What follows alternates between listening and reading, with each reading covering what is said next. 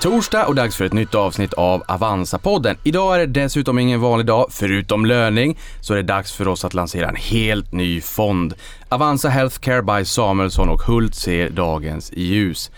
Fonden investerar inom hälsovårdssektorn, en sektor som faktiskt har gått bättre än globala världsindex senaste 15 åren. Det här vill vi såklart lära oss allt om. Med mig i studion för att berätta om det här har jag fondens förvaltare Elinor Hult och Astrid Samuelsson. Varmt välkommen till podden. Tack så hjärtligt. Tack så mycket. Jättekul att ha er här. Första frågan är ju självklar. Hur känns det? Det känns eh, superspännande och roligt att komma igång. Jätteroligt att komma igång. Det tycker vi också. Och vi ser fram emot det här avsnittet där vi får lära oss mer om den här sektorn. Men vi börjar från början. Vilka är Elinor och Astrid? Mm, jag kan börja med mig. Jag eh, eh Astrid då. Eh, jag har ju sysslat med hälsovårdssektorn i många, många år. Eh, och inte minst så har jag förvaltat en global hälsovårdsfond på Handelsbanken i ungefär 15 år. Eh, jag har varit analytiker i några år inom life science eh, och ehm, i botten så är jag läkare. Ehm, jag har disputerat och forskat några år i USA också innan jag kom tillbaks till Handelsbanken. Det låter ju som att du tycker att den här sektorn är kul, men då måste jag också bara fråga, vad, vad var det som gjorde att du, att du hittade till den? Var det det här klassiska bananskalet eller har du alltid haft intresset för sektorn? Eh, ja, men jag är ju läkare i botten mm. så det är klart det var ju naturligt. Det, det, som inte var naturligt kanske var att gå till finansbranschen från att ha jobbat inom akademin. Så det var det stora steget. Hur, vad är den stora skillnaden där? Det är ju lite grann att vara på jag vet inte om det är rätt att säga andra sidan bordet men det är klart att det är ju två lite olika mm. världar. Ja, nej, men det är verkligen olika världar men det är roligt att liksom bygga vidare på kunskap som jag har med mig därifrån och sen lägga till allt jag har lärt mig i finansbranschen. Så att... Kul! Vem är Elinor då? Ja, Elinor Hult heter jag. Jag eh, gjorde liksom hoppet från andra hållet. Jag är ju civilekonom från Handelshögskolan i Stockholm. Eh, och så har jag jobbat inom finans, eh, framförallt i London. Jag var jag på Credit Suisse av alla ställen i ett antal år. Och när jag kom hem därifrån då, då hamnade jag i den här bananskalsituationen att jag faktiskt halkade in i, i hälsovårdssektorn. Och det var jag väldigt glad för, för jag övervägde att plugga till läkare innan men så, så läste jag då eh, ekonomi istället. Eh, så att eh, det har blivit en väldigt rolig, liksom, eh, ett kliv in i, den här, i det här området. Och vad är det då som lockar med hälsovårdssektorn skulle ni säga? Nej, men det som lockar är ju all innovation eh, som är och att det ibland tas ganska stora kliv i vad man kan göra inom cancer och eh, hjärnans sjukdomar, eh, alla möjliga olika sjukdomar, diabetes och så vidare. Det är nog det som lockar allra mest. Och dessutom ihop med liksom finans, fin, den finansiella aspekten. Mm. Att det är liksom aktier som ändå... Eh, där, där utsikterna för även stora bolag som AstraZeneca, Novo Nordisk, där spelar det roll vad det är för nya läkemedel de tar fram mm. helt enkelt. Vi kommer ju nog komma in mer på det här äh, kring pandemin. Nu har ju också WHO sagt att det inte är en pandemi längre. Ingen har ju missat den. Det har varit några riktigt tuffa år samtidigt som det också har hänt väldigt mycket inom hälsovårdssektorn, sjukvårdssektorn tänker jag. Inte minst med mRNA-vaccin. Jag kan termen men, men där tar min kunskap mer eller mindre slut. Men där fick man ju också höra att det togs ett enormt steg framåt om jag har förstått det hela rätt. Mm. Jo, men det stämmer. Den här eh, teknologin har ju funnits även innan, men tack vare liksom pressen som kom då från covid, så dels kom det in väldigt mycket investeringspengar som gjorde att man kunde eh, snabba på, men det var ju också pressen på att leverera gjorde ju att eh, det, var flera år som liksom gick in i kanske ett års forskning eller så, så att hela, hela teknologin har flyttats fram väldigt, väldigt, väldigt snabbt. och förstås resulterade det i de här vaccinen som vi har allihopa fått ta del av, men också så har själva teknologin teknologin utvecklats så den kommer kunna användas till andra typer av läkemedel och vi kommer säkert röra vid det men eh, Moderna till exempel håller på att eh, forska fram eh, cancervacciner då som är helt personliga och det baseras då på samma eh, teknologi så det, det liksom föder nästa innovationsvåg. Men en sån som mig blir ju väldigt glad av att höra det. Jag tänker att ni kanske är lite mer realister för att ni, ni har liksom en fot i båda lägren. Som människa blir man väldigt glad när man mm. hör det att vi går framåt inom inom eh, cancerforskningen. Å andra sidan så vill man inte bli besviken heller och det verkar som mm. att cancer är ju väldigt brett. Mm. Oh ja. Men när du säger sådär, finns det fog för att bli lite mer optimistisk och att vi kanske går mot riktigt, riktigt häftiga te teknologiska och forskningsmässiga framsteg som, som gynnar hela mänskligheten? hela mänskligheten, det är väldigt stora, stora, stora saker och stora ord. Men, men eh, det här är ju någonting som man har försökt forska på under längre tid och det har inte gått så bra. Och nu, nu tar man ett steg framåt även i den här typen av cancervacciner. Då. Eh, det är dock tidigt, så vi ska kanske inte säga att det här är lösningen på alla problem. Eh, dels är det liksom lite pro problematiskt och svårt att producera det här. Det ska liksom göras personligt till varje individ. Eh, men sen vet man inte om det kommer funka i de så att säga, senare formerna utav cancer, utan det funkar bra i de tidigare formerna om man förenklar det. Eh, och, men där ser man god effekt, så vi får följa helt enkelt hur, hur data blir. Men om jag bara ska spotta ur med några intressanta siffror så eh, eh, Moderna hade en forskningsbudget på ungefär en halv miljard för typ fem år sedan, dollar då, eh, och lyckades ju leverera väldigt fin utveckling med den mindre potten pengar. Det fanns även ett visst statligt bidrag så att vi ska inte helt glömma bort det.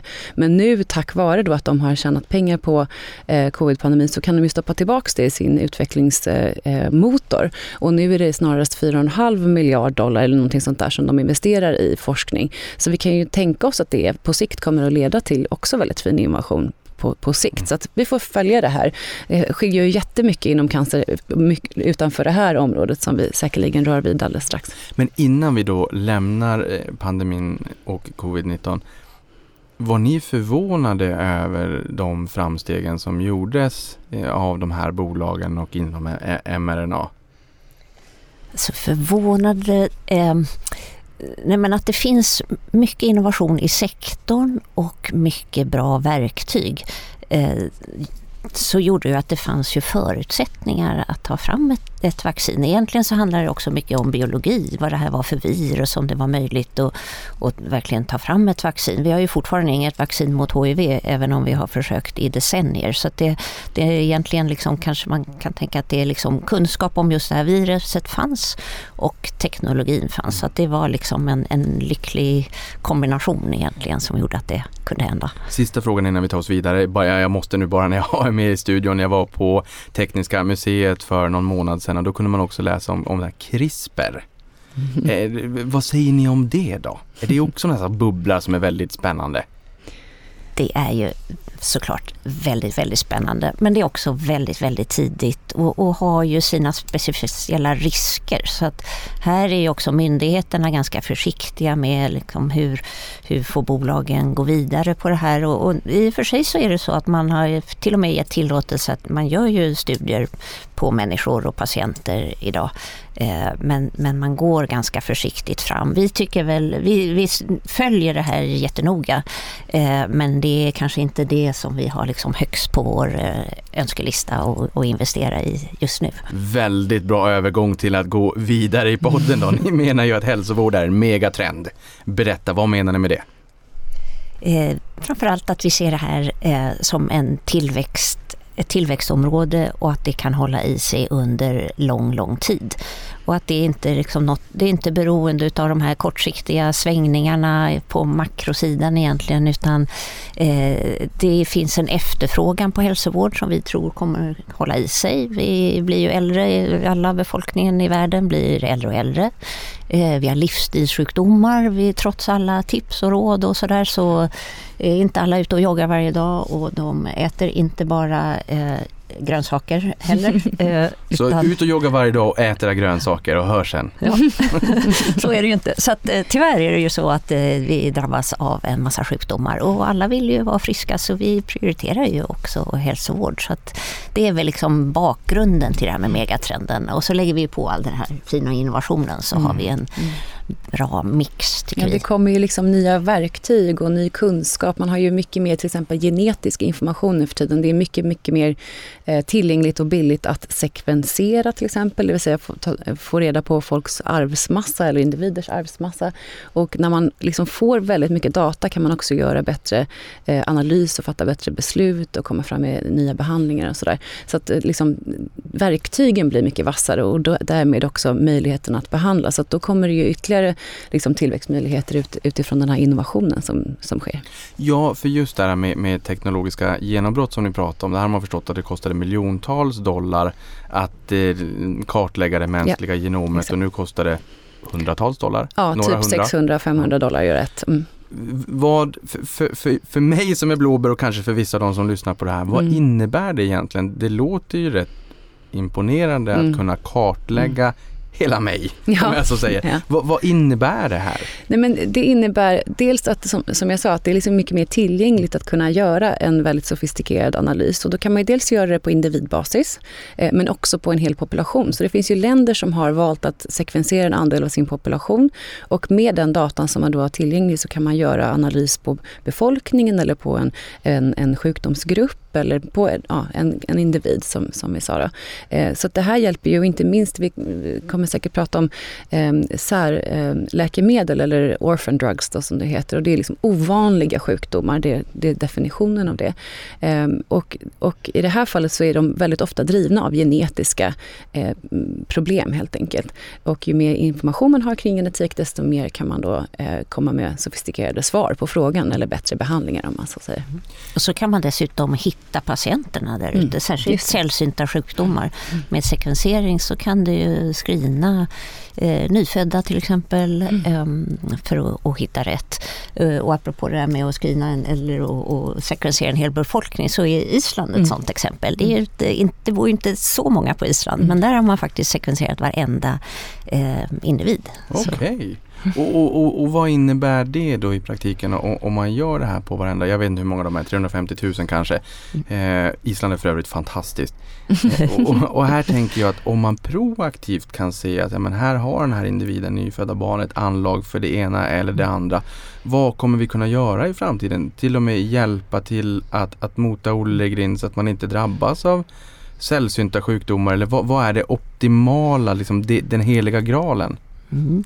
Eh, nej men dels om vi ska bara hoppa tillbaka till Island så egentligen syftet med det var kanske inte att eh, säga att eh, Kalle Pettersson ska mm. få någon viss sjukdom utan det är för att hitta samband mellan kanske någon mutation i någon gen och en viss sjukdom för att sen kunna göra läkemedel. Eh, sen någonstans så finns det ju en förhoppning, det jobbas ju jättemycket med cancerscreening, att man ska kunna med ett blodprov se om man har cancer som man inte skulle eh, kunna upptäcka på något annat sätt. Och det finns ju till och med ett bolag som heter Grail, alltså Holy Grail, heliga graalen så att säga. Det, här, så att det är ju verkligen en dröm att man skulle kunna hitta cancer tidigt. Mm. Men när ni pratar om att det här är en megatrend, jag tänker i USA där har man ju förstått att det är allt som oftast den viktigaste marknaden eh, när det kommer till hälsovårdssektorn. Hög betalningsvilja. Ehm, men, men vi har ju en, världen är ju stor så att säga. Det är ju mer än USA. Du pratade om den här megatrenden och vi blir allt fler i världen och, och, och, fler kommer in i medelklass. Fler kanske också får access till mer avancerad eh, sjukvård när du pratar om en megatrend, det känns ju som att det finns ganska många drivkrafter bakom den här megatrenden och inte minst att vi lever längre som struntar i huruvida vi får en recession eller inte 2023. Nej men absolut, att det är ju både att vi blir äldre men som du säger att fler får tillgång till mer avancerad sjukvård sjukvård och det gäller ju liksom, eh, utvecklingsländer som tar sig uppåt så att säga och kan lägga mer mm. pengar på hälso och sjukvård. Mm. Eh, Kina har ju varit ett sånt land. Kina har ju sina, sina problem men det, det blir ju absolut mer och mer avancerad sjukvård i, i Kina. Mm, och mycket av innovationen kanske kommer ifrån sig USA som ju lägger en stor andel av BNP på, på hälso och sjukvård. Och där, men där har det också blivit som en, liksom, flera hubbar med jättemycket kreativ, kreativitet och, eh, och forskning i, i, olika delar. Och där kanske man tar fram de allra vassaste, nyaste behandlingarna som i och för sig då, om man ska vara ärlig, kanske kommer de, det landet till nytta först.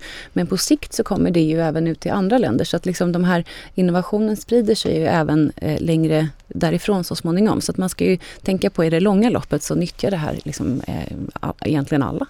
Men skulle ni säga att det sker redan idag 2023 eller skulle ni säga att det är en potentiell drivare framåt där, där man ser att en stor del av tillväxtmarknaden och frontier markets kommer ikapp senare och får, får upp standarden när det kommer till hälso och sjukvård? Eller ser vi att det sker i stor utsträckning redan, eh, redan idag? Eller är det mer tyngd och fokus på USA fortfarande? Alltså, eh, I vår fond så är ju USA den, den, det absolut största landet. Så att eh, vi, vi är ju liksom där i, i huvudsak. Men man ska komma ihåg att även de amerikanska noterade bolagen säljer ju idag i utvecklingsländer. Så att man får ju även exponering till Kina och alla eh, så att säga, utvecklingsländer så gott som. så, att, så är det ju. Men sen är det ju såklart att Kina och Indien och de här länderna, de vill ju också höja sin standard. Så det är klart att de kommer spendera mer av sin BNP på, på hälsovård på sikt. Och det kommer ju göra att man köper då bättre bättre och bättre produkter. Så det är klart att den standarden höjs eh, över hela världen. Vi sa ju här nyss också att man förväntas bli allt äldre, vilket känns väldigt trevligt om man får vara frisk i knoppen och sådär. Men, men med det kommer ju också en del välfärdssjukdomar och kanske andra sjukdomar som vi inte riktigt är vana med lika mycket idag. Då. Att vi blir äldre, hur påverkar det sektorn?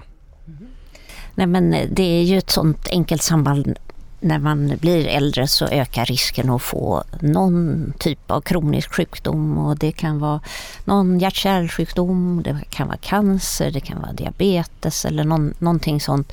Eh, så att eh, även om vi tycker att vi liksom 70-åringar är lite piggare idag så är det ju tyvärr så att även liksom, det är obönhörligen så att, man, att risken ökar att få någonting. Och kanske inte bara en, man kanske har någon ögonsjukdom och så har man högt blodtryck och så kanske någon, någonting annat också. Eh, så att på så vis hänger det ihop det här mm. med en, en åldrande befolkning.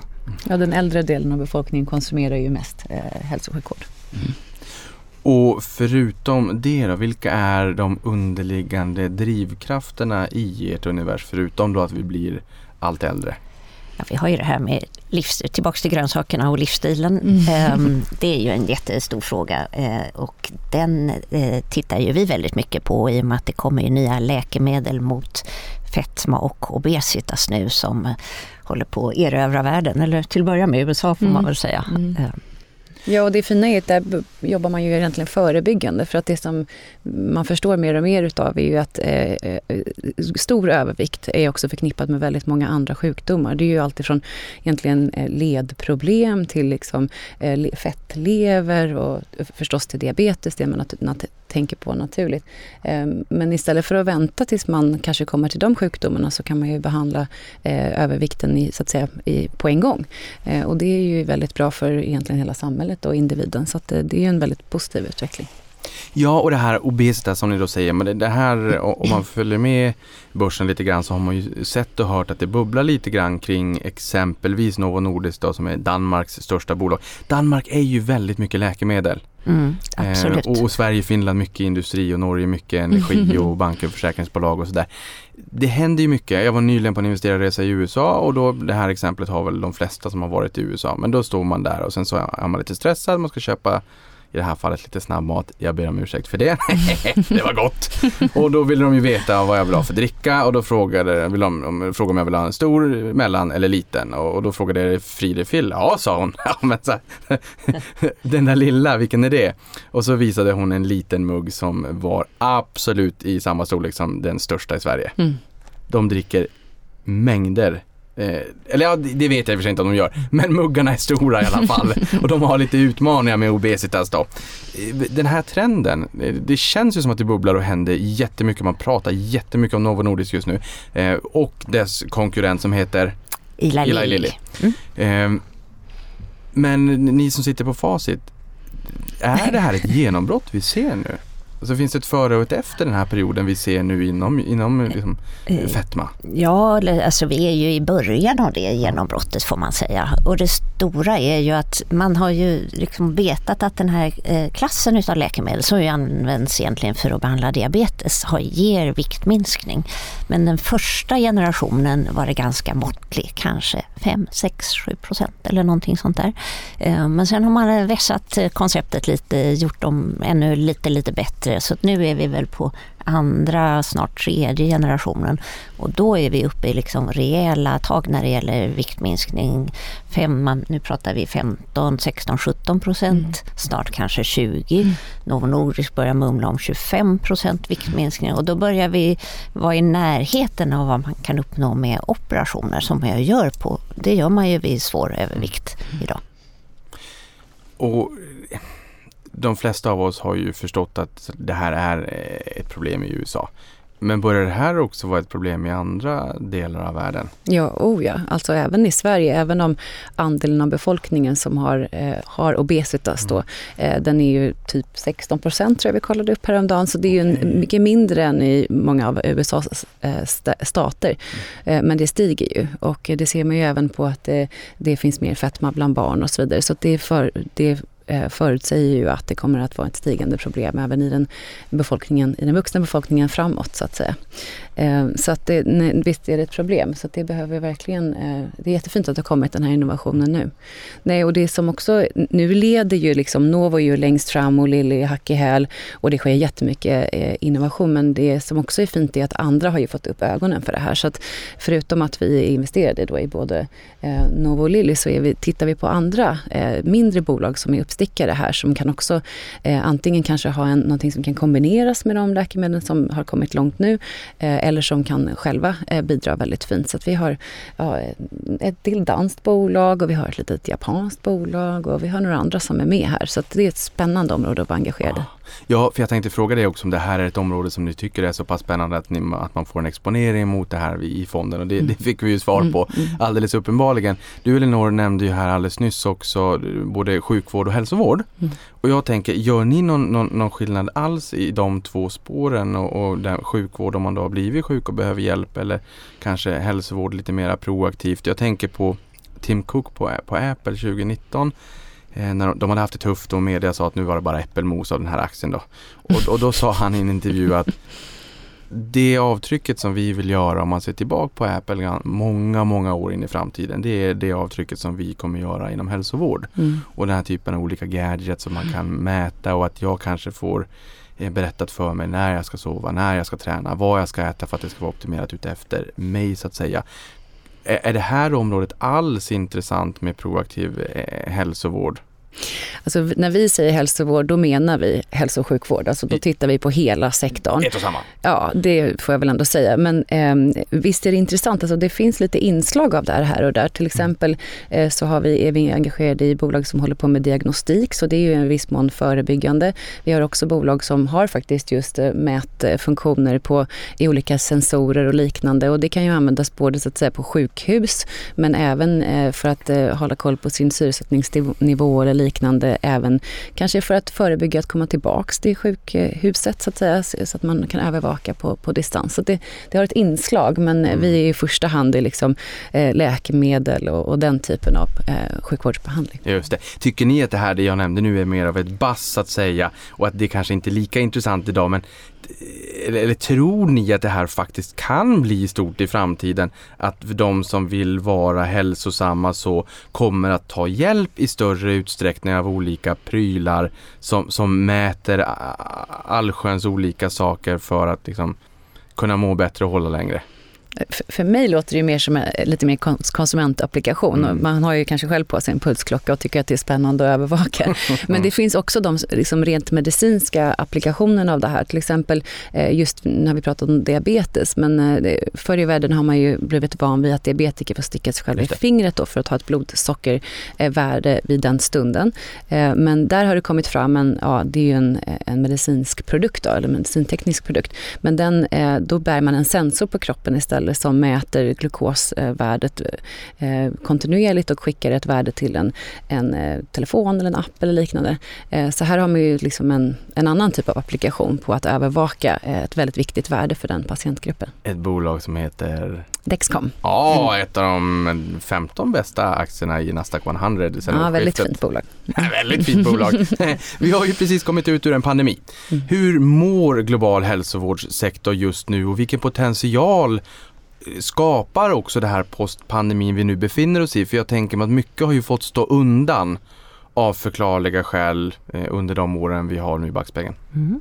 Nej, men, eh, många bolag eh, mår ju bra men vi har också några som har drabbats av lite baksmälla, som vi brukar säga, efter pandemin.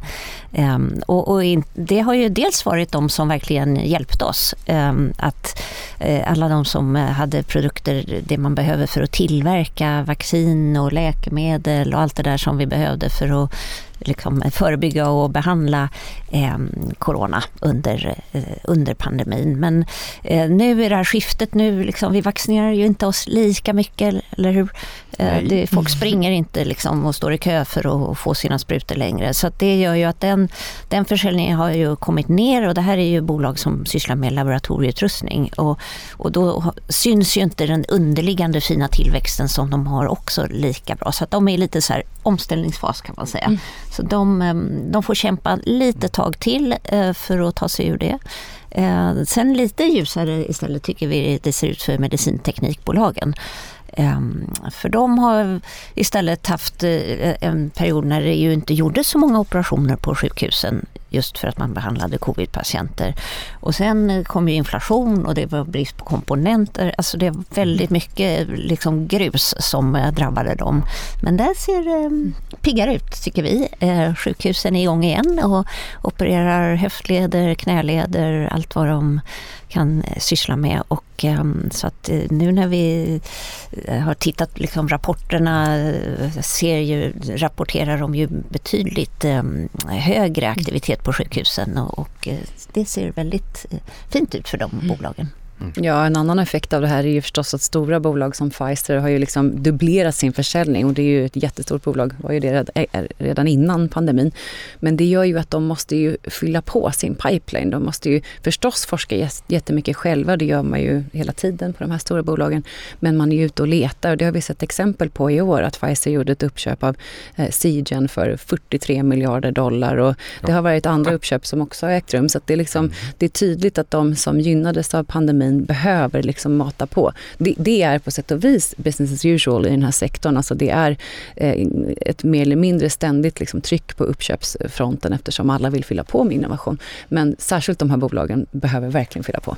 Ja, för Pfizer gick ju och teamade ihop med Biontech. Och Biontech var väl ett betydligt mycket mindre bolag, tyskt. Eh, och det här visar väl någonting också om man, om man har en bra teknologi eller någonting mm. intressant att mm. det kan bli väldigt, väldigt bra. Pfizer, jättestort bolag. Mm. Biontech, väsentligt mycket mindre. Det här ger ju också hopp om att om man, om man hittar rätt bolag mm. att det kan bli liksom väldigt, väldigt bra väldigt snabbt. Mm som det blev i det här fallet? Nej men så är det ju. Alltså, antingen kan man ju tänka sig att man blir uppköpt. Det är ju mm. ett sånt scenario. Ett annat fint scenario det är just att man samarbetar med någon som är jättestor och har eh, distribution över hela världen och som kan hjälpa till att sälja och kanske även utveckla i viss mån läkemedel. Men från vårt perspektiv, vi tänker att det viktigaste är att vi hittar bolag som har fin innovation, eh, en fin affär eh, och liksom passar in hos oss. Men det som är tjusigt är att det brukar även vara ungefär samma checklista som storbolagen har när de letar efter uppköpskandidater. Så det är inte helt ovanligt att de är ute och köper våra fina bolag. Och det är ju både en kul dag när, när det går upp mycket men det är också lite, lite grann sorgligt när de fina bolagen försvinner ur portföljen. Ja, exakt. Och, och här uppvilar du ju så fint. Nu är vi varma i kläderna, nu har vi pratat lite grann om sektorn och sådär. Nu är det hög tid också att komma in på fonden Avanza Healthcare by Samuelsson och Hult. Den lanserar vi ju idag när det här poddavsnittet släpps berätta allt som vi behöver veta om fonden. Ska jag börja med de breda pälsundragen. Det är ju en global hälsovårdsfond. Eh, men vi har ju mycket i USA eh, såklart, för det är en stor, viktig hälsovårdsmarknad och finns jättemycket spännande bolag där också. Eh, vi investerar i alla sektorer av hälsovård, så läkemedel, bioteknik, stora tyngdpunkten ligger ju där. Eh, men eh, vi har ju redan pratat lite grann om medicinteknik tycker vi också är intressant med innovation och så som händer där. Eh, de här laboratorieutrustningsbolagen har vi också inslag i. Men det, det är mycket, mycket läkemedel ändå i, i botten men inslag av de här andra. Ja, för det är också någonting man har lärt sig här när det kommer till er värld och det här begreppet life science, medtech, biotech och farma. Eh, svårt för en utomstående att riktigt greppa sådär. Men, men, men det är inom, ni är lite grann i alla områden. Jag tycker ju att vi vill inte begränsa oss egentligen. För eftersom vi, vi ser som sagt mycket innovation i sektorn och, och, vi ser den på många håll och det är många som kan gynnas av den också. Inte minst de här eh, laboratorieutrustningsbolagen för de måste ju serva alla de här eh, läkemedelsbolagen. Eh, Moderna som ska spendera 4,5 miljarder dollar i år, eller, eh, per år för att forska. Det är klart de behöver jättemycket laboratorieutrustning mm. också. Så, att, mm. eh, så det gynnar ju den sektorn och även de bolag som ska tillverka läkemedel, de kan ju gynnas också av dels när det forskas men också när eh, läkemedel blir godkända och, och det kan det ska tillverkas i stora mängder. Så, så att de här hackar och spadar är något som vi gillar också i sektorn. Ja, hackar och spadar, det är många som gillar dem. hur Levi's jeans vid, vid guldruschen. Hur, hur, går det på något sätt att, att säga vart vinsten ligger? Eller liksom var, var stor del av lönsamheten ligger när man investerar i ett univers? Eh, även om ni är och letar guldkorn i, i, i alla områden så att säga. Men är det så enkelt som att säga att men, inom medtech är de mest lönsamma. Biotech kanske är högst risk men, men slår det så slår det jättebra. Så går, det att förenkla, eh, går det att förenkla världen på det sättet? Ja, men eh, det kan man säkert, men vi har nog valt att göra det på ett lite annat sätt. Så vi tänker istället att vår portfölj ska eh, vara sammansatt av tre huvudkategorier. Eh, dels har vi stora lönsamma bolag med fina tillväxtmöjligheter och det gör, utgör basen av portföljen. Så det brukar vi säga att det är 60 90 procent. Eh, och det, till, det blir lite stabilt och fint av det, men det är även fin tillväxt. Och sen har vi som två korgar till som är ungefär lika stora och den ena är de som just har börjat sälja eller nyligen har börjat sälja, så då kallar vi det för produkt på marknaden, men att man inte ännu är lönsam. Och det här skulle ju kunna vara, eh, ja till exempel ett medicintekniskt bolag, men även ett lite nytt läkemedelsbolag kanske som har börjat sälja, men inte ännu lönsamt. Och sen slutligen har vi en grupp som är rena forskningsbolag. Eh, och de har ju förstås inte egentligen försäljning alls, utan de forskar. Och vi tycker att de här tre områdena, de, de kompletterar varandra på ett väldigt fint sätt. Och under vissa perioder så kan man tänka sig att man får väldigt fin avkastning från någon av korgarna. När lönsamhet är hippt, så att säga, då är det fint att vara i de här bolagen som är just stora och lönsamma. Men till exempel när det har varit mycket uppköpsklimat eh, eh, och miljö, då är det ju väldigt fint att vara i de här mer omogna bolagen, för det är oftast de som blir uppköpta. Så att över tid tänker vi att de här bidrar till avkastningen eh, allihopa. Mm. Så, så den här paletten, stabila lönsamma bolag med stabil tillväxt i grundplattan så att säga. Och sen har ni lite cayennepeppar, lite krydda där också för, för potential. Jajamän. Ni är ju dessutom en så kallad mörkgrön fond, alltså en artikel 9-fond vilket innebär att ni har hållbarhet som investeringsmål. Vad innebär det när man investerar i den här sektorn? Finns det någon form av motsatsförhållande? Eh, ja, alltså först ska vi säga att vi, vi försökte inrikta oss på FNs eh, och då i det här fallet SDG 3 som det heter. Och det är då god hälsa och välbefinnande. Och först ska jag säga att det eh, för oss handlar bara om eh, mänsklig hälsa. Så att djurvård är någonting som vi inte investerar i. Utan det som vi letar efter är sånt som kan göra betydande förbättringar för eh, god hälsa och välbefinnande. Och vi letar då efter innovation egentligen, medicinska framsteg. Eh, så att först och främst behöver alla våra bolag eh, bidra till det här målet. Gör man det, då gör vi också en analys på att man inte gör någon betydande skada på något annat hållbarhetsmål som det heter.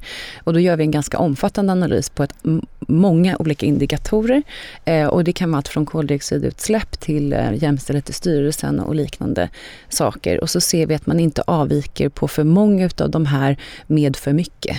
Eh, och har man för många som är för avvikande, då kan man helt enkelt inte vara med i portföljen som, som bolag. Och sen kanske jag ska tillägga att de här mindre bolagen som inte har någon försäljning, de gör ju heller inte så mycket skada, så där är vi lite extra eh, generösa så att säga på frihetsgraderna. Men det är den analysen vi gör. Och sen gör vi också, eh, tittar vi på vad man har för, eh, för eh, governance-situation, alltså bolagsstyrning och liknande. Har man i sin historik brott mot mänskliga rättigheter eller skattebrott och liknande. Så dels en historisk koll och sen ser vi då att om man har någonting som är tveksamt, har man kommit med en förbättring eller ny policy eller liknande. Och slutligen gör vi en lite mjukare bedömning på hållbarhetsrisker och det kanske är att man har viss förhöjd risk för mutbrott till exempel exempel om man är ett medtechbolag i kanske någon lite spännande geografi eller Mm. liknande. Så det är, ett omfattande arbete men vi upplever att det här ger oss en, en liksom, tryggare portfölj också eftersom att den är så väl genomkollad. Mm. Du säger ju här att ni riktar in er på bolag som hjälper människor. Eh, ja, jag vet inte om det är en dum fråga eller inte men, men eh, det det är ändå intressant att du ändå sa det för att jag menar det finns ju djurhälsa växer ju ganska kraftigt också. Mm. Man kan hjälpa lite hästar med lite kvarkar och allt möjligt så att mm. säga. Det, kommer, det, det finsk ingen exponering mot djur idag och kommer inte finnas det i framtiden heller i den här fonden.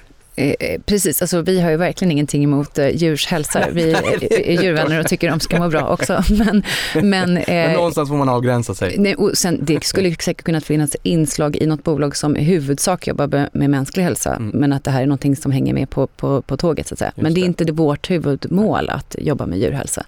Och vi kan väl lägga till ett annat område och det har i och för sig med människor också att göra. Att estetik har vi också sagt ligger utanför det vi gör. Mm. Det är kanske det. inte riktigt ett bidrag till god hälsa med eh, sådana rena skönhetsbehandlingar. Nej, och estetik som exempelvis plastikoperationer och den Just typen precis, av... Just den. det. Mm. Ja. Det betyder ju inte att, vi inte att estetik inte kan finnas i ett lite större bolag. Som Botox finns ju idag i ett stort bolag som heter Abvi. Så att det är ett ty, typiskt sådant exempel. Men eh, vi kommer inte investera i ett rent estetikbolag. Nej. Men det ni investerar i, det är ju, er ambition är ju att investera i kvalitetsbolag med tillväxtpotential där framtidens hälsovård är i fokus. Vad eh, karaktäriserar de här bolagen då som vi hittar i fonden? Vad, vad är ett typiskt eh, bolag som får era köpklockor att ringa? Nej, men vi kommer ju alltid tillbaks till eh, innovation har vi pratat mycket Mm. om. Eh, läkemedel eller andra produkter som verkligen gör en, en stor skillnad. Liksom, att man verkligen liksom, faktiskt kan i cancer får liksom, ett rejält kliv i hur länge patienterna lever. Eller ett område som kanske inte haft någon behandling och där är ju sällsynta sjukdomar ett bra exempel. Det finns ju eh, många tusen eh, sådana sjukdomar eh, och eh, det kanske är bara 5-7 procent där det finns en behandling idag. Så det är, och, och många sådana sjukdomar är ju stort lidande för patienterna och många kanske inte ens eh, uppnår vuxen ålder för att de har den här sjukdomen. Så det är ett typiskt exempel där vi tycker att Mm. eh, när vi hittar något sådant bolag så, så tycker vi att det kan göra skillnad. Och där har vi väl ett exempel på- på ett sån sjukdom och, och det kanske kan sätta lite mm, liksom, tydligare namn på vad det här kan handla om. Och, och, och det är ju sån extrem kortvuxenhet som dvärgväxt. Det är ju ett tillstånd som har funnits i tusen, eller man har känt till i tusentals år. Ja, och här blev jag så himla glad när jag såg det här exemplet också. Jag menar, jag är ju mångbarns barns far, jag har massor av barn hemma. jag, tycker de är helt fantastiska, men det är ju klart att man är ju också orolig för att, att barnen mår bra och sådär när, när, när de föds. Och just när jag såg det här exemplet där ni pratade om den här kortvuxenhet och att det faktiskt finns hjälp att få, då blev jag väldigt glad. Vad va, va, va är det Ja, men det stämmer. Sen eh, det förra året så finns det ett läkemedel för att behandla det och det kanske låter konstigt men det är ett läkemedel som gör att de här barnen växer mer helt enkelt än vad de gör utan att behandla. Och bakgrunden är så mycket i det vi sysslar med att man idag vet bakgrunden till det är en mutation som orsakar det här i en receptor och då har man kunnat ta fram ett läkemedel som så att säga bromsar, bromsar den receptorn. Ehm, och det finns faktiskt eh, till och med, eh, vi brukar ju prata om uppstickare så att det finns ju det här läkemedlet på marknaden. Ehm, men även här har vi ett eh, ännu mindre bolag som eh, också utvecklar ett, ett nytt läkemedel för just den sjukdom eller det tillståndet. Så att eh, snart finns det kanske två läkemedel på marknaden för att behandla det. Det är ju alldeles underbart att höra och man förstår ju också vilken nytta det här verkligen skapar. Vi pratade ju här nyss också om att väldigt många bolag i portföljen återfinns i USA, att den geografiska mixen är tonvikt i USA. Och det finns ju olika sätt att tänka på det. Ja, det är klart att då är det eh, främst amerikanska bolag, men som du sa här Elinor, de, de säljer i hela världen och, och USA är ju en, en jätteviktig marknad för läkemedelsbolag. Är det så man ska tänka att många bolag är noterade där, men säljer i hela världen? Ungefär som att vi i Sverige säger att vi är ett litet öppet exportberoende land och vi säljer också på världens sex av sju kontinenter. Liksom. Att man, man inte behöver fokusera så mycket på att det är väldigt hög tonvikt mot USA. Eh, alltså det är ju bra att man är medveten om det Mm. eftersom det blir ju en exponering inte minst i valutan och sådär. Ehm, eh, I alla fall direkt då att vi har, ja, det är ju nästan 70 procent ungefär som är i USA så det ska man ju veta om. Men eh, om man tänker lite på var, varför är det så då? Det är klart att det är en intressant slutmarknad, den amerikanska marknaden av flera skäl. Men det är också det att det, det blir såna här hubbar då utav eh, utvecklingsbolag som placerar sig nära varandra. Och det är inte helt ovanligt att liksom ett stort bolag är framgångsrikt, det finns jättemycket fina, duktiga forskare där och sen så är det några som sticker därifrån och startar upp ett nytt bolag och så placerar de sig i närheten. Så det blir liksom en, ehm, ja, det, de, de, det blir som svampar i jorden kring de här fina bolagen. Och dessutom är det ju så att det finns ju fin forskning på många ställen, även här i Sverige finns det ju väldigt fin forskning. Men sen finns det så starka kapitalmarknader i USA och det är också en nödvändig komponent i, den här, i det här receptet för att ta fram ett framgångsrikt bolag, nämligen att man kan få rejält med finansiering eh, när man behöver det och det finns också i USA. Så att det hjälper ju att man kan liksom ta fram de här eh, nya senaste eh, behandlingarna. Så att vi är där. Men vi tittar väldigt gärna på andra ställen och vi har ju exponering eh, naturligtvis både mot Sverige och Danmark och Japan och andra roliga länder där det finns fin forskning. Men är det just också de här länderna som du nu nämnde som är andra kluster när det kommer till, till eh, hälso och sjukvård? Kanske inte lika stora som USA men, men men ändå att det är intressanta i kluster där det finns många spännande bolag. Alltså om man tittar på vad finns det utöver USA där vi hittar många fina bolag? Men det finns ju forskning i egentligen i alla länder, framförallt där det finns fina universitet och sen är det ju så internationellt så att liksom det, det kan man hitta överallt. Nej, men vi, letar ju, alltså vi letar i första hand efter eh, bolag som har eh, fin forskning och, eh, och tar fram fina läkemedel och vad de är, det är liksom egentligen mindre viktigt. Eh, men det är klart att de kan finnas eh, på många ställen. Eller, Och sen, eh, vi passar ju såklart på att leta där vi står och går också. Mm. Eh, För Sverige har ju faktiskt, lite som ett mini-USA, både fin forskning och ett, ett bra ekosystem faktiskt för finansiering. Så att här, eh, här finns också både innovation och kapital. Och ska man bara lyfta fram ett exempel så har vi ju BioArctic här är ju ett väldigt eh, stiligt bolag som verkligen har varit eh, innovativt också och är ju först ut med eller, Eh, med ett eh, nytt läkemedel mot Alzheimer som har väldigt tydliga resultat och ehm, är på väg ut för lansering i USA nu. Det ni nu säger här eh, om BioArctic, där har jag ju förstått att det här var ett jättefint genombrott och, och där Gunilla också vdn sa att det här är en, en otroligt glädjande dag för hela mänskligheten. V- vad var det som hände här? Ja, men det som händer här är att vi har en helt ny klass av läkemedel för att eh, behandla Alzheimer och till och med bromsa utvecklingen av Alzheimer. Och här har det ju inte kommit några nya läkemedel på decennier och framförallt har det aldrig funnits någon sån så kallad bromsmedicin. Så att det här är en, en ny klass och eh, BioArctic eh, leder ju, eller är ett av de absolut ledande bolagen. Vi har också sett ganska nyligen Eli Lilly eh, har kommit också med, med positiva resultat så att de får nog ganska snart sällskap utav dem också.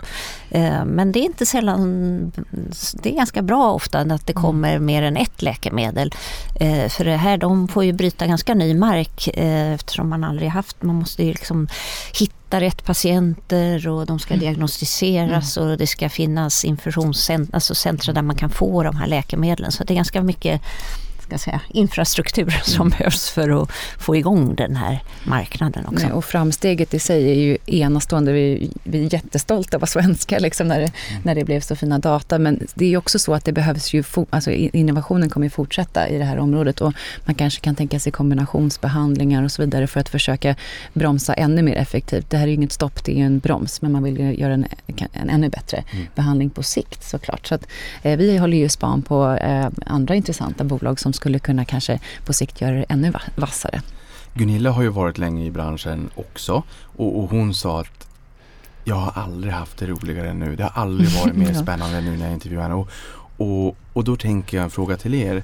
Tycker ni att det händer mycket spännande nu? Att sådana genombrott som gör att man blir glad idag jämfört med kanske en gång i tiden när ni började i branschen? Går det fortare nu?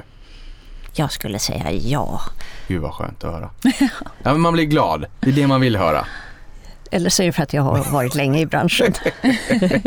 Men det är ju absolut helt andra förutsättningar. Vi var inne på det här med sekvensering. När jag började så var det ju så där dyrt att det kostade en miljon dollar. Mm. Eh, och det är klart, det var det ju mycket man inte kunde göra som man kan nu. Och verktygen finns och ibland går det ju nästan för fort så det viner om öronen och svårt mm. att hänga med. Men det är väldigt spännande med allt nytt som händer. Och svårt att hänga med. Vi kommer också komma in på ert vetenskapliga råd strax som hjälper er att hänga med. Mm.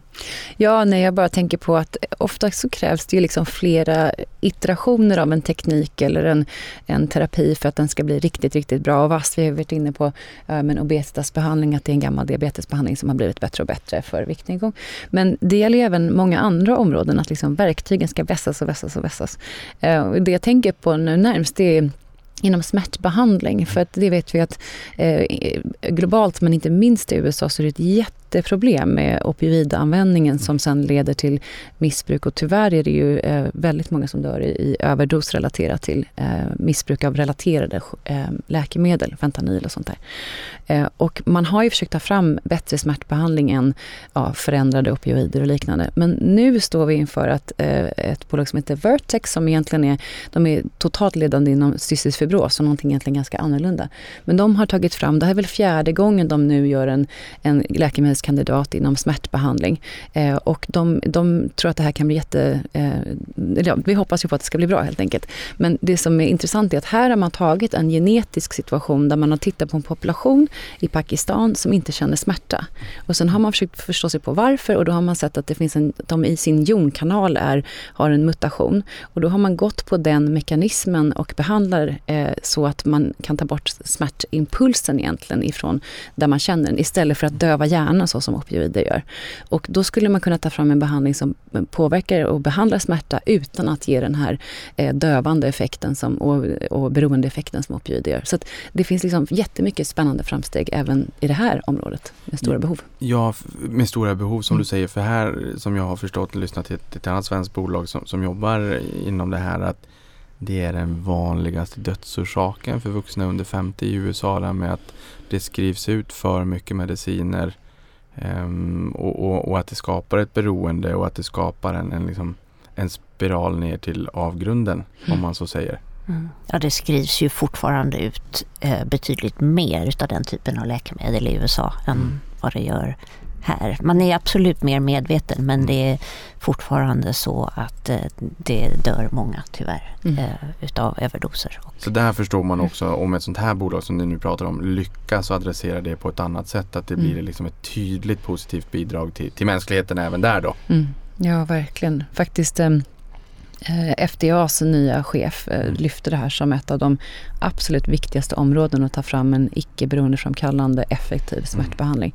Så att det skulle vara ett stort framsteg om det, om det lyckades. Vi håller mm. alla tummarna. Ja, och det är inte så långt bort. De eh, så kallade fas 3-studierna, det är de här sista studierna man gör de blir klara i slutet av det här året. Så att, eh, sen kan de inte direkt börja sälja men de kan skicka in sin ansökan till FDA och andra myndigheter. Och det här är en trend som man får en, en liten exponering mot då i fonden. Mm. Mm.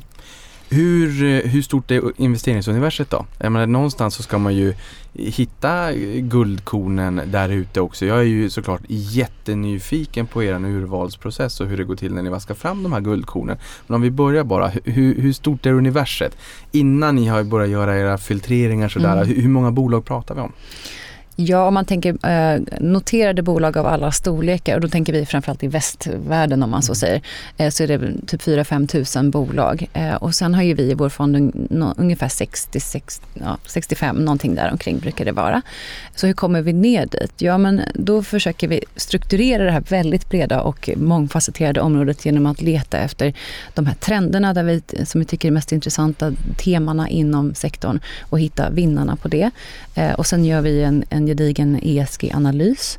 Eh, och sen gör vi naturligtvis helt vanlig bolagsanalys. Alltså vi måste ju titta på värdering och hur stor är marknaden och sånt som är specifikt för oss och hur bra är kliniska data och, och den här typen eh, av analys. Och slutligen måste vi se till att det är lite lockande att stoppa ihop en massa spännande galna bolag i en fond och så tro att det blir en fond.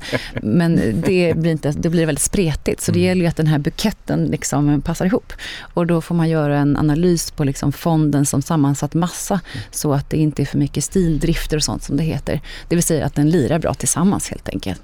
Eh, och sen när man vänder på steken så hur tänker vi kring positionering? Det är ofta en fråga som vi, som vi får.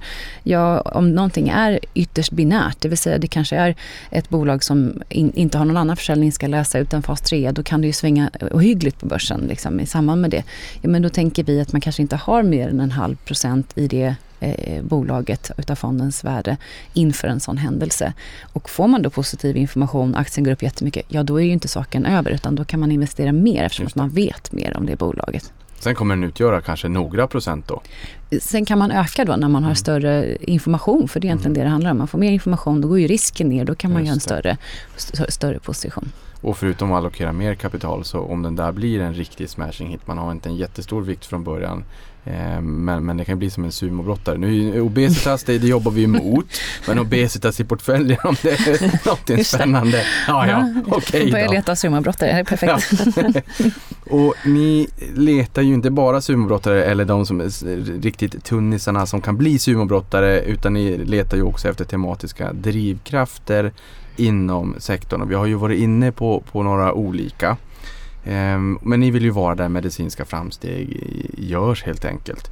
Vilka mm, tematiska drivkrafter tycker ni är riktigt spännande utöver de som vi har varit inne och berört? Eh, nej men vi kommer ju alltid tillbaks till cancer. Mm. Eh, det har vi, vi har nämnt det men det är ändå väl värt att, att nämna igen. För där, där har man ju också ett större och större inslag av det vi kallar för precisions medicin. Eh, att man kan ge rätt läkemedel till rätt patient men också att man kan få något vi pratar mycket om nu, det är något vi kallar för eh, smarta cellgifter. Mm. det är egentligen att man kan eh, koppla på cellgifter på en antikropp och antikroppar är ju ett kroppseget ämne som används för att fightas mot virus och bakterier och sånt. Men det kan man ju få binda till en tumör specifikt och då kan man få cellgiften att gå precis dit. Eh, det är ett område vi tycker är väldigt spännande. Det är ju därför ehm, Pfizer köpte Seagen för 43 miljarder dollar också. Mm. Eh, så att det är ett tydligt exempel att här ser vi möjligheter till stora värden också. Så där letar vi. Det är ett typexempel på ett område vi letar i. Ja, för, för där tänker jag, jag såg en siffra nu innan podden att eh, en av tre människor förväntas få cancer någon gång under livet. Och där stod det lite deppigt att den siffran kanske skulle kunna gå upp till två av tre, men alla påverkas ju. Eh, och alla påverkas om det är någon i ens närhet som drabbas naturligtvis. Uh, och här uh, så finns det ju lite olika typer av terapier. Strålningsterapi och kemoterapi och immunologi och allt vad det kan tänkas vara. Uh, såga mig vid fotknölarna om ni vill. Jag svänger mig med ord jag inte kan. men ändå hört talas om dem så här. Men, men att, att här liksom koppla an det här till antikropparna. Det känns ju som ett Det känns ju som att man skickar in piketstyrkan då att verkligen pinpointa tumören. kan det här bli någonting mycket bättre och betydligt mycket mer effektivt än de sätten som man har adresserat cancer hittills. Mm, nej men eh, precis så är det. Mer precision, det gör också att man får mindre biverkningar och då kan man ge högre dos utav det här cellgiftet kan man säga. Eller mer utav det kommer till tumören. Eh, och då har man sett att vi har sett väldigt, väldigt fina resultat i allt från bröstcancer till eh, lungcancer till, till många tumörtyper. Så att vi, jag tror vi är bara i början på det här området. Och här tittar vi, i vanlig ordning så tittar vi på en del riktigt stora bolag. Så exempelvis AstraZeneca är ju, det är en, två läkemedel som är den typen som är deras stora tillväxtdrivare de kommande åren. Men sen tittar vi på riktigt små bolag också som är, mm. inte har kommit så långt. Så att, eh, där lägger vi en hel del tid. Men ni pratar ju också om sällsynta sjukdomar och jag tänker mig att cancer är ju så brett.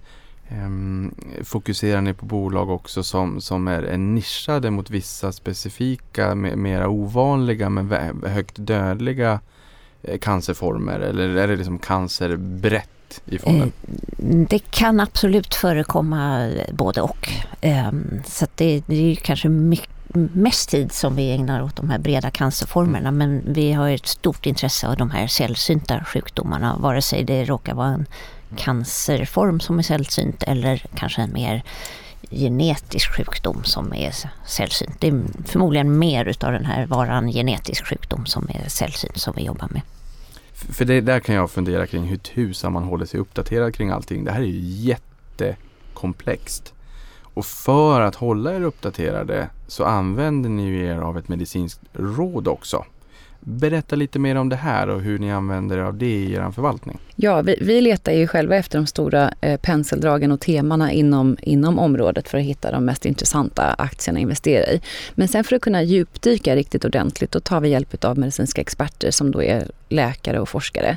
Eh, och de, eh, de har olika områden där de är eh, specialister. Så det finns en kardiolog, det finns en neurolog, vi har en kirurg och så vidare. Och så vidare.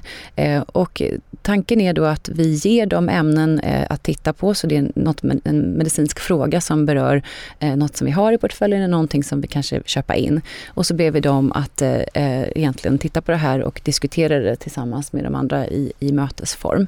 Eh, och det är ett jättefint verktyg för att förutom att det är väldigt roligt så eh, ger det också eh, kanske mer trygghet om man vill gå och investera mer i någonting som man kanske redan har köpt in.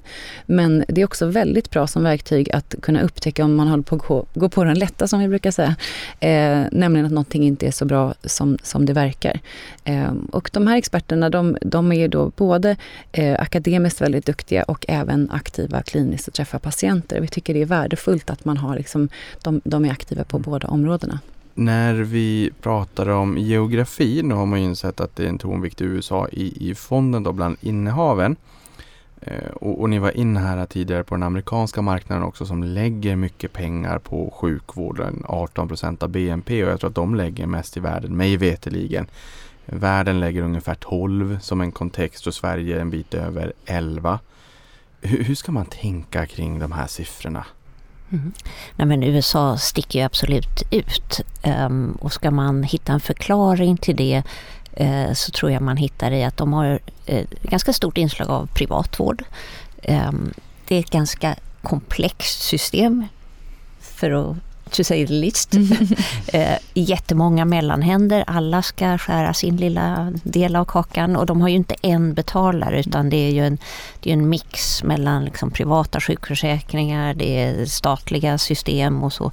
Eh, och, och det där gör att man, man hamnar eh, liksom på en högre prisnivå helt enkelt. Eh, ett buzzword i år har ju varit artificiell intelligens. Hur tror ni, om på något sätt, att det kommer påverka er sektor? Nej, men det är ju något som bolagen pratar om, ehm, både stora och små. Eh, så att jag tror att de är där och nosar på det om det skulle kunna hjälpa dem.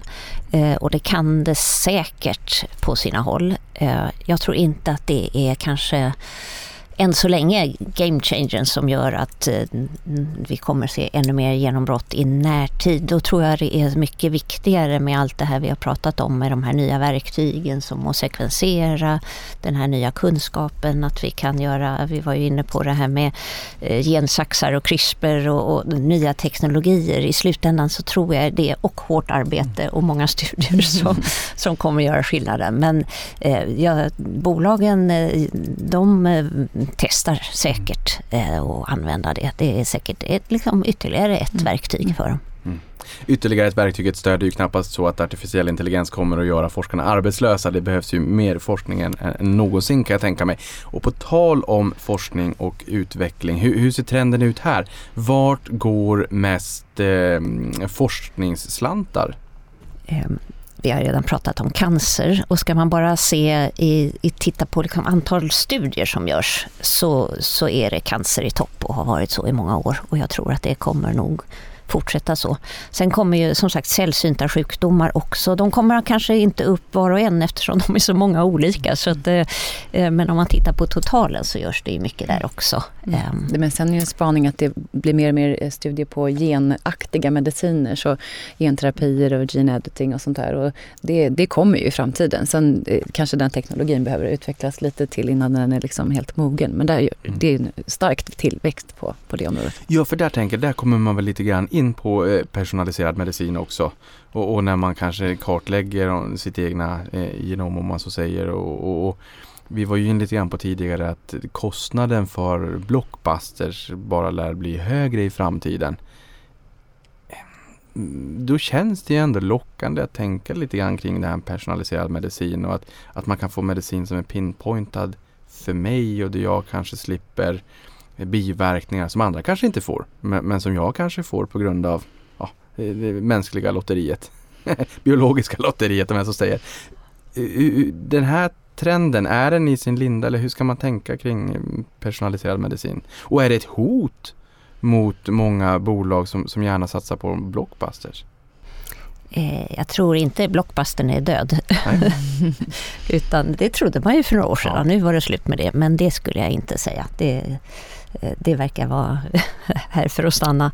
Eh, men när det gäller precisionsläkemedel så tror jag bara att det kommer fortsätta. Det mm. behöver inte nödvändigtvis så att det ska vara en särskild medicin för mig. Men det kan ju också vara så att det är liksom något som verkligen går in med mer precision, som vi pratade tidigare om, att man hittar tumören.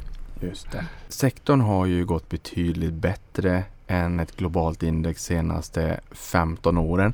För 15 år sedan, det var precis där i botten vändningen, finanskrisen. Eh, vad tror ni att det här beror på? Tror ni att man kan förvänta sig att det här kommer att fortsätta framåt? Att det taktar på lite bättre än ett globalt index? Ja, alltså, Svår fråga. Ja, nej, men sektorn har ju nyttjats av väldigt fina eh, drivkrafter och stor efterfrågan och, och, man vill ju gärna spendera på hälsovård för att folk ska må bättre. Så det finns liksom en, en efterfrågan som är där. Och som vi varit inne på, alla nya verktyg och nya behandlingar gör ju liksom att, eh, eh så att säga, efterfrågan eh, kom, eh, liksom har en drivkraft med sig.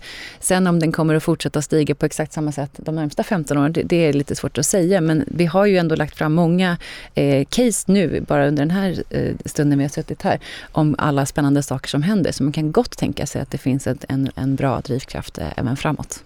Biotech svänger ju. Eh, och det kan gå både rakt upp i skyn och sen så kan det gå käpprätt också i, i, när det inte går vägen. Mm. Och det är ju en del av helheten såklart. Det. det. är ju the name of the game lite grann och där har ni ju en väldigt, väldigt liten andel den här cayennepepparn eller kryddan som, som vi pratade om och de bolagen ni tror har, har absolut störst eh, potential. Då. Eh, men volatiliteten i stort, alltså svängningarna i stort, eh, svänger det mycket? Eh, om nu, nu, nu pratar vi aktierna då. Mm. Eh, svänger det mycket? Eller är det lite mindre svängningar än börsen i stort? Alltså hälsovård som sektor anses ju vara en lågbeta-sektor, det vill säga en mindre svängig sektor. Men sen får vi inte glömma då att sektorn är väldigt eh, diversifierad. Så att du har ju de här stora läkemedelsbolagen, de tenderar ju att vara eh, stabila och svänga mindre. Men så har du ju de här som vi var inne, du själv var inne på nu, eh, biotechbolagen som har högre volatilitet. Och där är det ju också en effekt av eh, likviditeten i marknaden och ränteläget och så vidare. Eh, för att många av de här mindre bolagen som är mer omogna, de behöver finansiera sig ganska regelbundet och de är beroende av att det finns likviditet helt enkelt. Så att, eh, där har det ju varit eh, sju svåra år, inte riktigt sju svåra år, det har varit en period, en längre period med, med tuff miljö för den typen av bolag, för biotechbolag. Men vi anar lite gröna skott. Vi tycker att det ser ut som att eh, de fina bolagen som verkligen har bra resultat, de får finansiering. Så där är det inga problem. Har man tveksamma data, då är det betydligt tuffare. Så eh, det skiljer lite agnarna och vetet i, det, i det här fallet. Men så bortsett då från aktierna, för precis som ni säger nu, man brukar ju säga att ja, men, även om det blir sju svåra år, en, en djup lågkonjunktur eller vad det är, vi kommer fortfarande äta.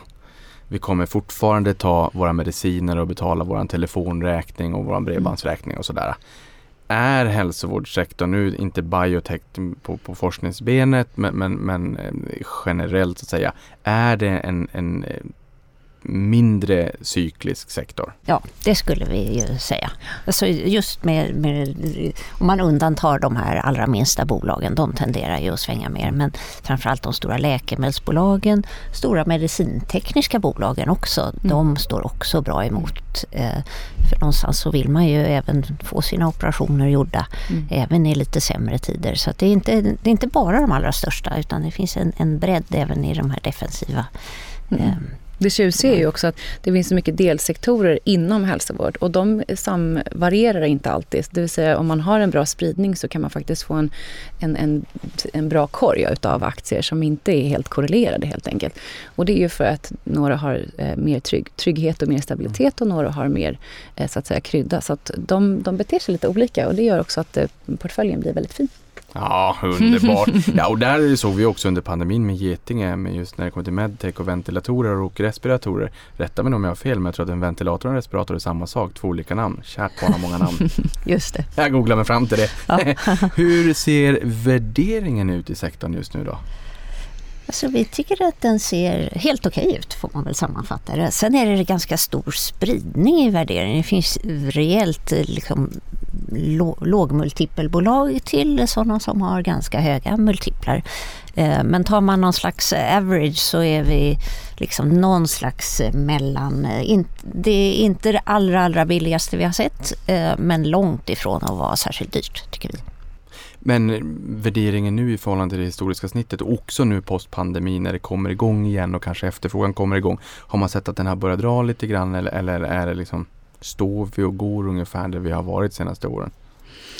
Eh, men under förra året så gynnades ju eh, hälsovårdssektorn utav att det var helt enkelt mer stabilt och så vidare. Så då gick ju värderingen upp lite. Sen har vi ju haft i år lite omslag i det där så att vi ligger väl en, en liten aning över något snitt. Men det, vi tycker att det ser helt, eh, helt rimligt ut. Och nu, ja. nu pratar vi liksom framåtblickande P tal sådär för hela sektorn. Jag har noterat att AstraZeneca har varit en trygg boj i börsbukten eh, den senaste tiden. Ni menar ju också att M&A är en viktig värdedrivare, alltså företagsaffärer, samgåenden, uppköp, utköp så. Speciellt inom biotech. Berätta mer. Nej men så är det ju, inte minst för de här små bolagen så, eh, så är ju värdekedjan sån att de, de stora äter upp de mindre och stora bolag som, nu kanske AstraZeneca är ett litet undantag för de har ju en väldigt fin egen pipeline, men många andra som Pfizer, Eh, Abbey eh, flera andra, de behöver verkligen, verkligen fylla på för de har många stora patentutgångar som kommer liksom börja närma sig eh, om kanske fem år och någonting sånt. Eh, så att det där kommer vi se mer. Och då ser vi också att eh, bolag, de stora bolagen eh, de belönas ju lite olika beroende på var de köper. Vi har ju sett exempelvis Merck har gjort flera förvärv som faktiskt har uppskattats av aktiemarknaden så att den har faktiskt fått lite vingar utav riktigt fina förvärv. Att, det kan gynna både, både de stora och de små ibland. Men är det här någonting som ni positionerar för eller är det snarast någonting som är att se som grädde på moset? Händer det så händer det? Alltså vi letar inte eh, på kategori 1 letar vi inte efter uppköpskandidater. Däremot så letar vi ju efter bolag som är duktiga på att forska och ta fram nya behandlingar och läkemedel. Och när vi hittar dem så brukar det också sammanfalla med att eh, stora bolag tycker att eh, samma bolag är fint. Så att det är inte ovanligt att eh, de köper upp bolag i, i portföljen. Vilka skulle ni då säga är de största riskerna just nu i er värld? Ja, men I den här sektorn så får man ju alltid prata om politiska risker. Det finns ju ändå, det är ändå så, i slutändan så är det ju staten som betalar kalaset för det mesta och de kan ju ibland skifta och hur de vill göra saker. Så att vi, vi ser ju lite mer press nu i Europa det är lite tuffare tider i Europa så att man skruvar åt en smula när det gäller läkemedelspriser. Um, I USA har man redan faktiskt fått igenom en läkemedelsreform um, så, som kommer väl kicka in om, om några år.